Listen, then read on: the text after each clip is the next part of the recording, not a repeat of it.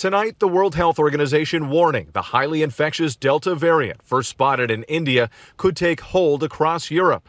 The strain now making up 90% of new cases in the UK. Cases are going up, uh, caused by the, the Delta variant, which does seem to be much more transmissible.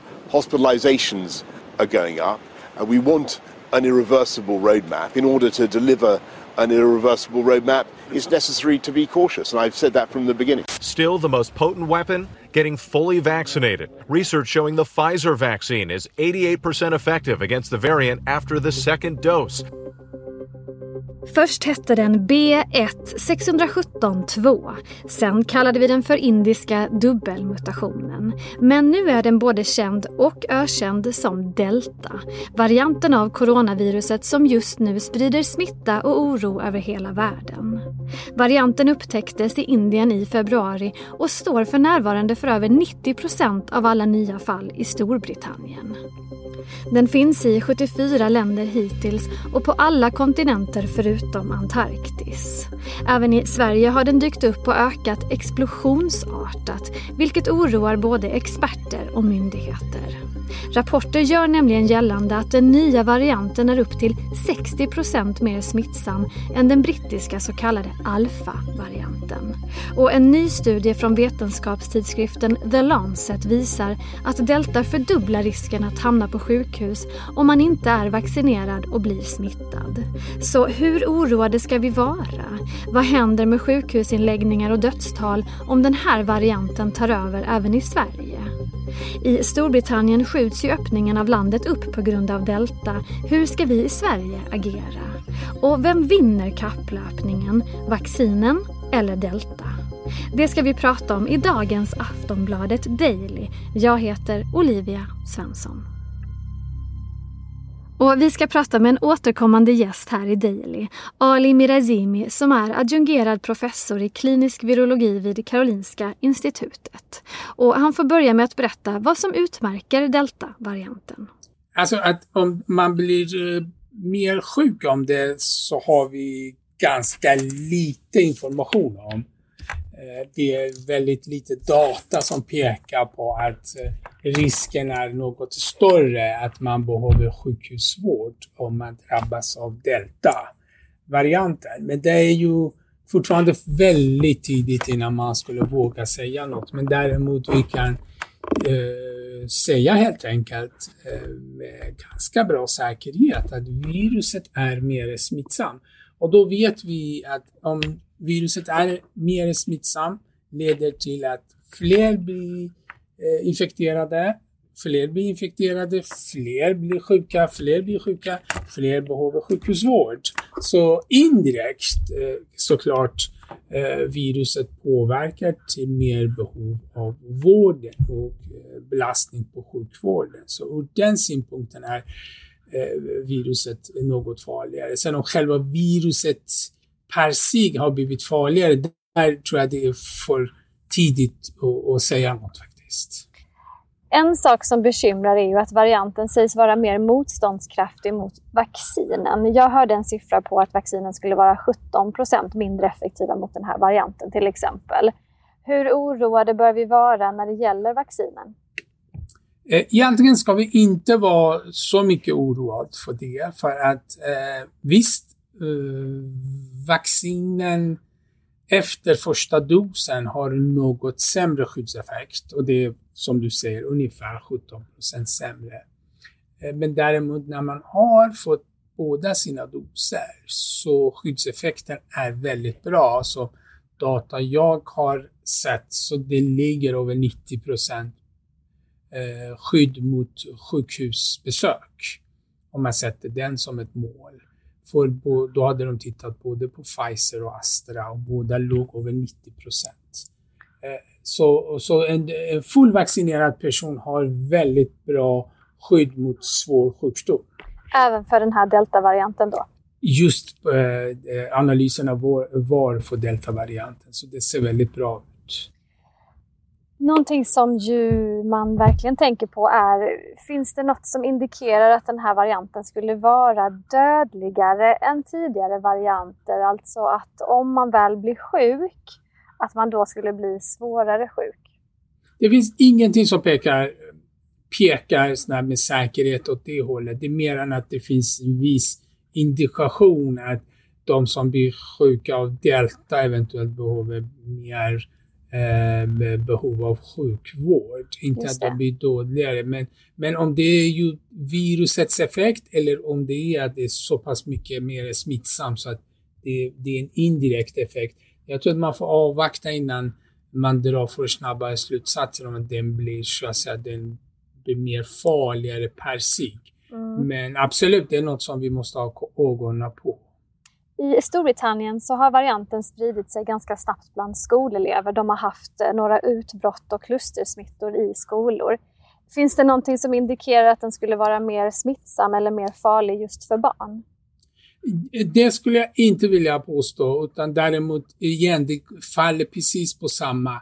När vi har ett virus som är mer smittsamt, det gör att helt enkelt när viruset får fäste för en typ av population Eh, och, och då sprider sig, speciellt om de eh, umgås nära varandra. Det ska vi komma ihåg, det här är en virus som smittar människa till människa om man är nära varandra. Så, och skolor är ju ett sådant forum, om man går till skolan och umgås med varandra så smittas.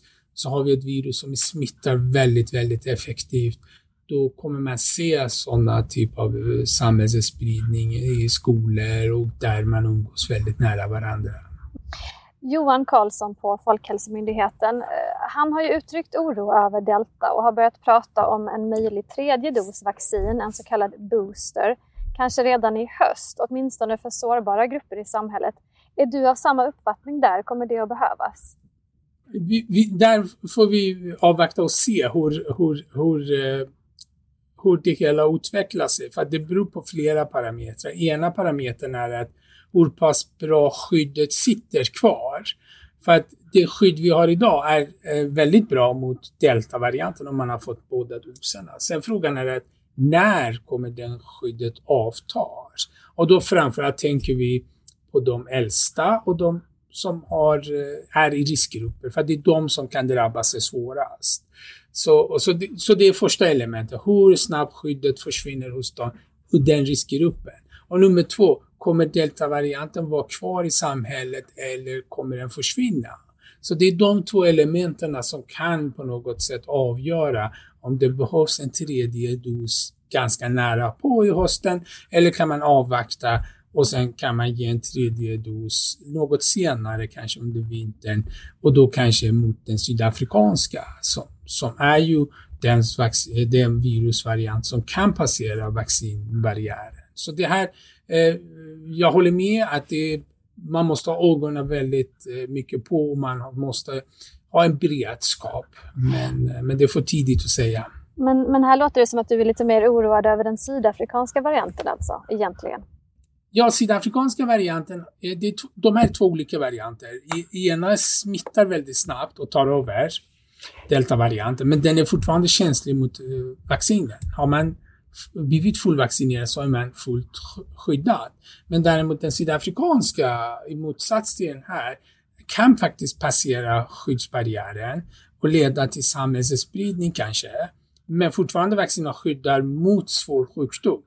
Men samhällsspridningen kan komma tillbaka. Så, så jag skulle säga att jag är i stort sett oroad över alla varianter av covid-19 virus som finns i samhället. Men sen just att välja vaccinera så kanske man kan hitta en eh, Eh, beroende på situationen lösning. För att ska vi vaccinera tidigt, då ska vi använda de vacciner som vi har idag. Mm. För att de här uppdaterade är inte testade och blivit godkända för att använda de här mot sydafrikanska. Och då, och, och, då kan vi vaccinera, men då måste vi kanske vaccinera igen med sydafrikanska något senare om det visar sig att det behövs en, en bättre vaccin mot just den. Så, så jag tror att man måste liksom eh, avvakta och se, men det är bra att ha en beredskap för båda varianter, eller båda scenarier. Ja, den ena efter den andra varianten har ju dykt upp under tiden vi levt med coronaviruset. Det kan vara svårt att hålla dem isär men WHO har i alla fall bestämt att varianterna numera ska döpas efter bokstäverna i det grekiska alfabetet. Den första varianten, den brittiska, kallas nu för alfa. Varianten från Sydafrika kallas beta. Den som upptäcktes i Brasilien, gamma och den som upptäcktes i Indien för delta. Och varför detta namnbyte? WHO anser att det kan vara diskriminerande och stigmatiserande att låta varianterna ha namn som är kopplade till ett visst land. De rekommenderar därför att man ska använda de här nya benämningarna istället. Och de fyra som jag räknade upp nyss är varianter som forskare har extra koll på och därför kallas de för varianter av särskild betydelse. Det finns också en hel hoper med varianter som forskarna bedömer som intressanta, men som inte oroar på samma sätt. På Folkhälsomyndighetens hemsida kan man följa uppdaterad statistik över hur många fall av respektive variant som upptäcks i Sverige. Och med tanke på deltavariantens framfart är det inte läge för tuffare restriktioner igen. Vi hör Ali Mirazimi. Vi har två uh, poäng på vår sida. Ena är att just nu är vi börjar sommaren och vi vet att de här virusen trivs inte så mycket i sommaren. Så smittas mycket mer effektivt på vintern. Mm. Och två har vi fått ganska, fått ner samhällsspridningen på låga nummer. Eh, vilket gör helt enkelt att vi har bra verktyg och eh, eh, helt enkelt ta oss vidare. Och så har vi kommit ganska långt med vaccinationen. Och framförallt har vi hunnit vaccinera de äldsta med två doser. Vilket är eh, eh, det är de sköraste och det är de som behöver sjukhusvård och eventuellt kan drabbas av en svår sjukdom. Så vi har kommit ganska långt eh, och, eh, och nu vad det står i programmet är ett stegvis öppnande av samhället. Men det har man också eh, flaggat för att det här kommer fortfarande vara konditionerat eller kommer att bero på några parametrar. Ena är samhällsspridning, andra är sjukhusbelastning och, och den tredje var dödstalen. Så visar sig plötsligt den indiska varianten eller deltavarianten påverkar de här tre elementen. Så då kommer man dra i bromsen. Som till exempel de har gjort i, i England. Precis, precis. Och, och där är kanske den frågan som man mest av allt vill ha svar på. Alltså, hur kommer delta att påverka vår möjlighet till att kunna leva mer normalt här framöver? För det är ju det vi alla någonstans ser i horisonten. Vi har hoppats på att det har kunnat närma sig den horisonten. Vad tror du? Mm.